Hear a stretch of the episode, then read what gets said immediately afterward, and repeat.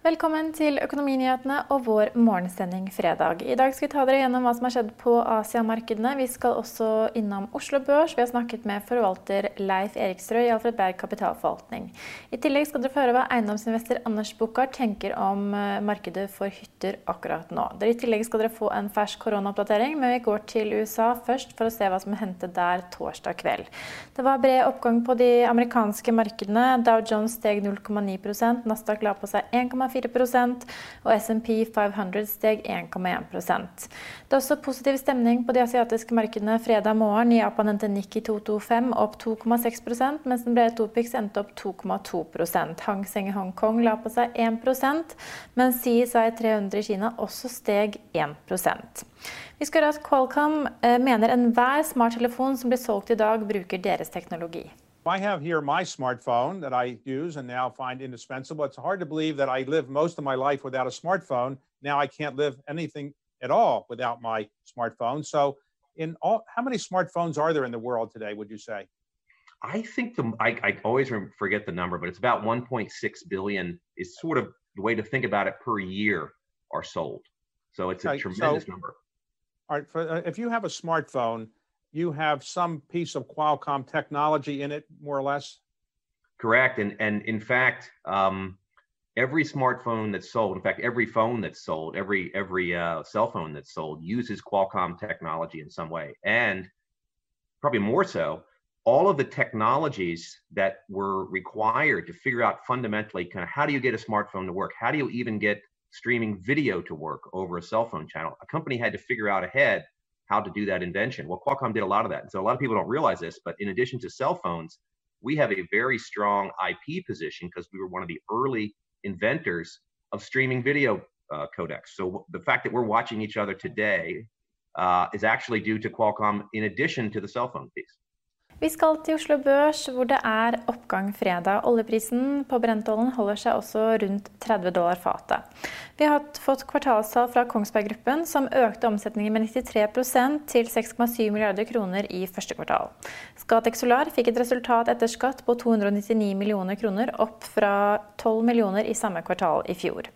Elkem fikk et resultat per aksje på 0,43 kroner mot 0,84 kroner i samme kvartal i fjor. Og vi tar med oss at Kepler Chevrolet nedgraderer Storebrand fra eh, hold til salg, og tar kursmålet på aksjen fra 52 til 41 kroner per aksje. Så skal vi til Leif Eriksrød, forvalter i Alfred Berg kapitalforvaltning, for mer børs- og markedssyn. God morgen, Leif Erikstrø, forvalter i Alfred Berg kapitalforvaltning. Du forvalter jo dette fondet Gambak, og, og da dere leverte marstallene i begynnelsen av april, så, så var det sikkert like eh, tøffe tider som for resten av markedet. Dere hadde, hadde et fall på 16,4 på porteføljen, og beskrev grunnet koronasituasjonen og oljeprisfall. Hvordan ble april? Nei, april... Eh vi har tatt igjen omtrent halvparten av fallet, tenker jeg. Eh, for vår del så ble april litt bedre enn markedet. Det var jo takket være et par enkeltaksjer. aksjer. som Bergen Bio, som er jo litt sånn wildcard. Og så det, var det Tomra som spesielt bidro mye. Så april isolert sett var jo en kjempegod måned. Men uh, sett i et litt større perspektiv så, så, har vi bare tatt igjen halvparten av, av fallet fra måneden før. Hva kan du si eh, Vi har jo sett at dere trakk jo bl.a. frem at oljeprisfallet også kommer gunstig inn i mars der. Men vi har jo ikke sett noe veldig sterk oljepris før nå på tampen av april. Eh, hva tenker du om oljeprisen fremover? Hvor viktig er det for deres portefølje? Det er jo litt artig når du sier veldig sterk, fordi at 30 eh, dollar er jo egentlig veldig svakt. Og Nei. selv om 20 dollar, så så er det jo som om du skulle svømme 20 meter under vann og plutselig svømme 10 meter under vann. Du, du kan ikke puste der heller. Så, så, oljeprisen er jo langt under de nivåene som trengs for å drive fornuftig business. Men eh, det ser ut som investorene er utrolig risikovillige eh, og vedder egentlig på at eh, oljeprisen skal være veldig kortvarig nede på de nivåene her. Så sånn implisitt så så, så priser markedet inn at vi er oppe på 50 dollar allerede i slutten av året. Eh, når man ser på prisingen av aksjene. sånn at det er, det er, veldig vanskelig å få dette til å henge på greip. Altså, det er det. Dere har jo deres største posisjoner, eller ved siste måneds avslutning så hadde dere største posisjonene i Tomra, Nell, Adevinta, eh, DNB bl.a. Har dere gjort noen endringer her? Altså, vi gjør aldri sånne store endringer, vi er veldig sånn gradvise endringer. sånn at de, de, endringene vi har gjort i april, det er på en måte litt de samme endringene som vi gjorde i mars. At vi, vi har på en måte rotert våre porteføljer i en mer defensiv retning. og og Det betyr egentlig å redusere syklisk og energi og øke på i mer defensive. Og det er typisk at vi har, vi har økt på i, i defensiv, sånn som Orkla da, de siste månedene. Hva tenker du om markedet akkurat nå, da, den, eh, de månedene vi går inn i?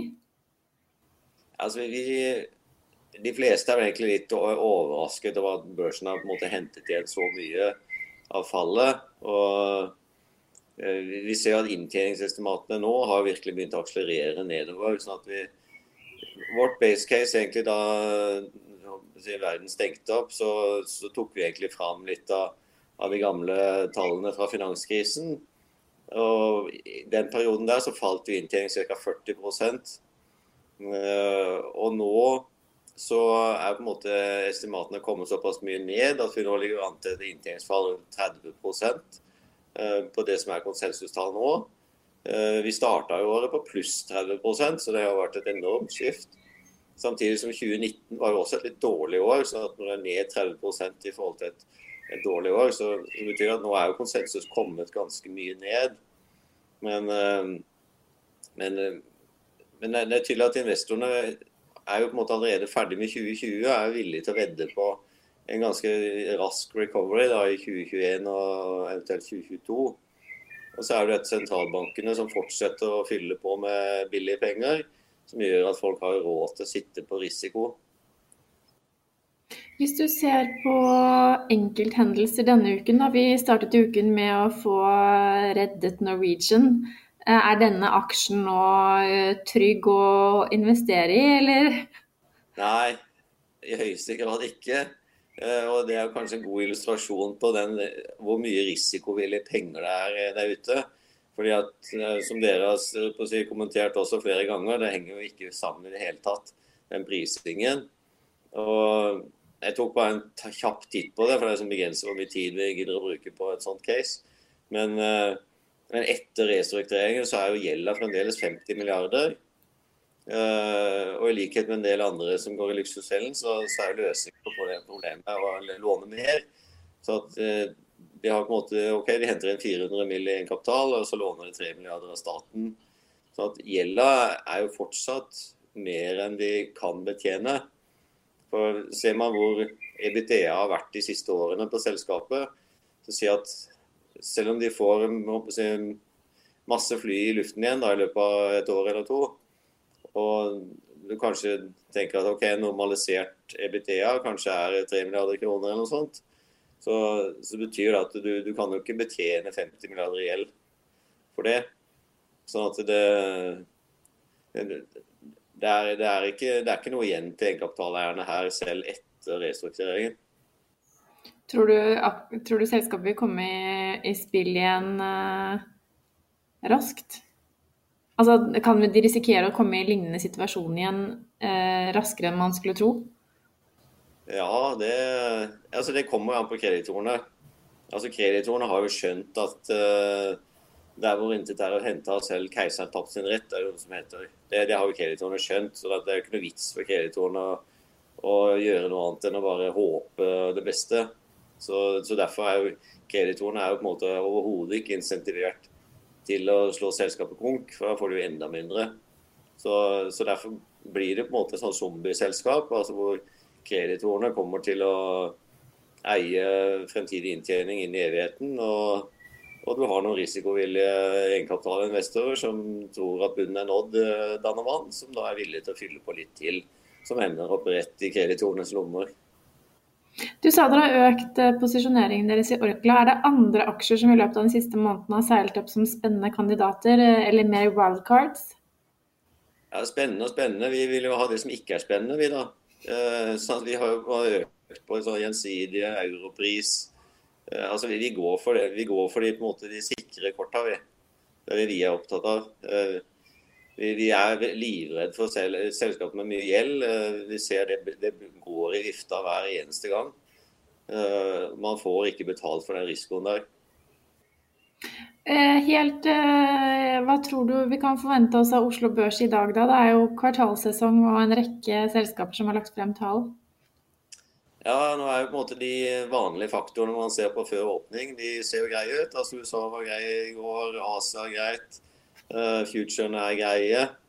Uh, ikke veldig mange tall i dag. Elkem kom. Uh, og, og, Elkem er jo kanskje litt som de fleste har vært, at Q1 er stort sett bra på drift. Uh, men det er litt sånn ullen guiding. Og så ser vi jo egentlig at de, de fleste andre selskapene har tatt enorme nedskrivninger på første kvartalstallene.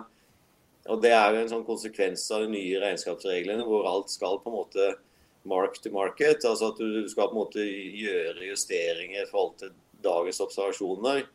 Og Det betyr at uh, alle innenfor olje og energi må ta gigantiske nedskrivninger. Bankene må ta mye større tap nå enn de ville gjort med de gamle reglene. Uh, også oppdrettsselskapene må på en måte gjøre såkalt fair value adjustments på biomassen sin. Det gjør at alle de store sektorene på børsen er jo ramma av veldig kraftige nedskrivninger. Uh, og vi ser jo det at Nå har jo de fleste selskapene lagt fram tall, iallfall de store. Uh, og avviket i forhold til der estimatene lå i forkant, det er foreløpig rundt 40% under. og Det er ganske ekstremt. Vanligvis på sånn summen av kvartalstallene så er det liksom pluss-minus 5% i forhold til forventningene, men nå er det altså summen 40% under forventningene. Så det er veldig ekstreme tall. Og, det skyldes jo veldig mye disse nedskrivningene som er sånn lenger nede i regnskapet. Og på driftsresultat så er tallene gode. Så bankene leverer egentlig ganske bra på drift, men vi må gjøre sånne markedsbaserte nedskrivninger. Pluss eh, tap, da. Vi skal over til hyttemarkedet når vi har snakket med eiendomsinvestor Anders Buchardt, som har hytter for 120 millioner under bygging akkurat nå. Hvis vi ser på annen, et annet segment der dere har vært aktive, så er det fritidseiendom. Tør jeg å spore enda mer optimisme her? Det, det, det, er også Der tør jeg heller ikke være kategorisk. Du kan si Nå er det masse som Hvis man uh, ja, leser og hører, uh, så tenker man at enda flere vil kanskje tenke på ferie i Norge og kanskje ikke kjøpe seg noe i utlandet. Eh, sånne saker. Men samtidig Og det, og det taler for at det, det, kan få en bra utvikling. På den annen side så vet vi at eh, når det er usikre, dårligere tider, så blir folk eh, generelt litt mer forsiktige, litt mer tilbakeholden, eh, litt mer avventende. Og det trekker i andre, andre retninger. Samtidig så er det mange som sikkert kommer til å ha det forholdsvis økonomisk uforandret eh, fremover. Så, så jeg, jeg, tror at det, det kan holde seg ganske bra. Men også her vil volumet eh, falle. Og da er min tanke at, eh, at da gjelder det å satse, men forsiktig og kontrollert. For når det kommer til fritidsbolig, det er noe som folk gjerne vil ha ganske raskt etter at de har bestemt seg for det. Og da pleier jeg å si da gjelder det å ha varer på disken. Eh, og derfor så fortsetter vi å, å bygge eh, sånn som vi har planlagt. Vi legger, setter ikke noe av de prosjektene på hold. Eh, for vi tror markedet kommer til å være der, dog med no, noen færre kjøpere. Men og det vil være en del prosjekter som ikke vil bli igangsatt. Eh, sånn at konkurransesituasjonen eh, tror jeg kommer til å bli gunstigere. Og da er det en god mulighet, hvis man har eh, muligheten til å tørre å holde eller fortsette bygging og produksjon. Hvor mye hytter eller fritidsleiligheter er det dere har under bygging per i dag? Du, nå har vi i, ja, i, løpet av første halvår nå i 2020 eh, så har vi overlevert, eh, og overleverer vi, fritidsleiligheter for drøye 300 millioner. Og så har vi igangsatt bygging for ja, 120 millioner til, som skal stå ferdig, ferdig om et år. Uh, I tillegg så Det er bare Hemsedal, så på Hafjell så uh, skal vi i gang til høsten etter planen. Eh, hvor stort volumet blir der, det, det, er ikke helt avklart ennå. Men, men, det blir sikkert en eh, ja, 30-50 enheter der, tenker jeg.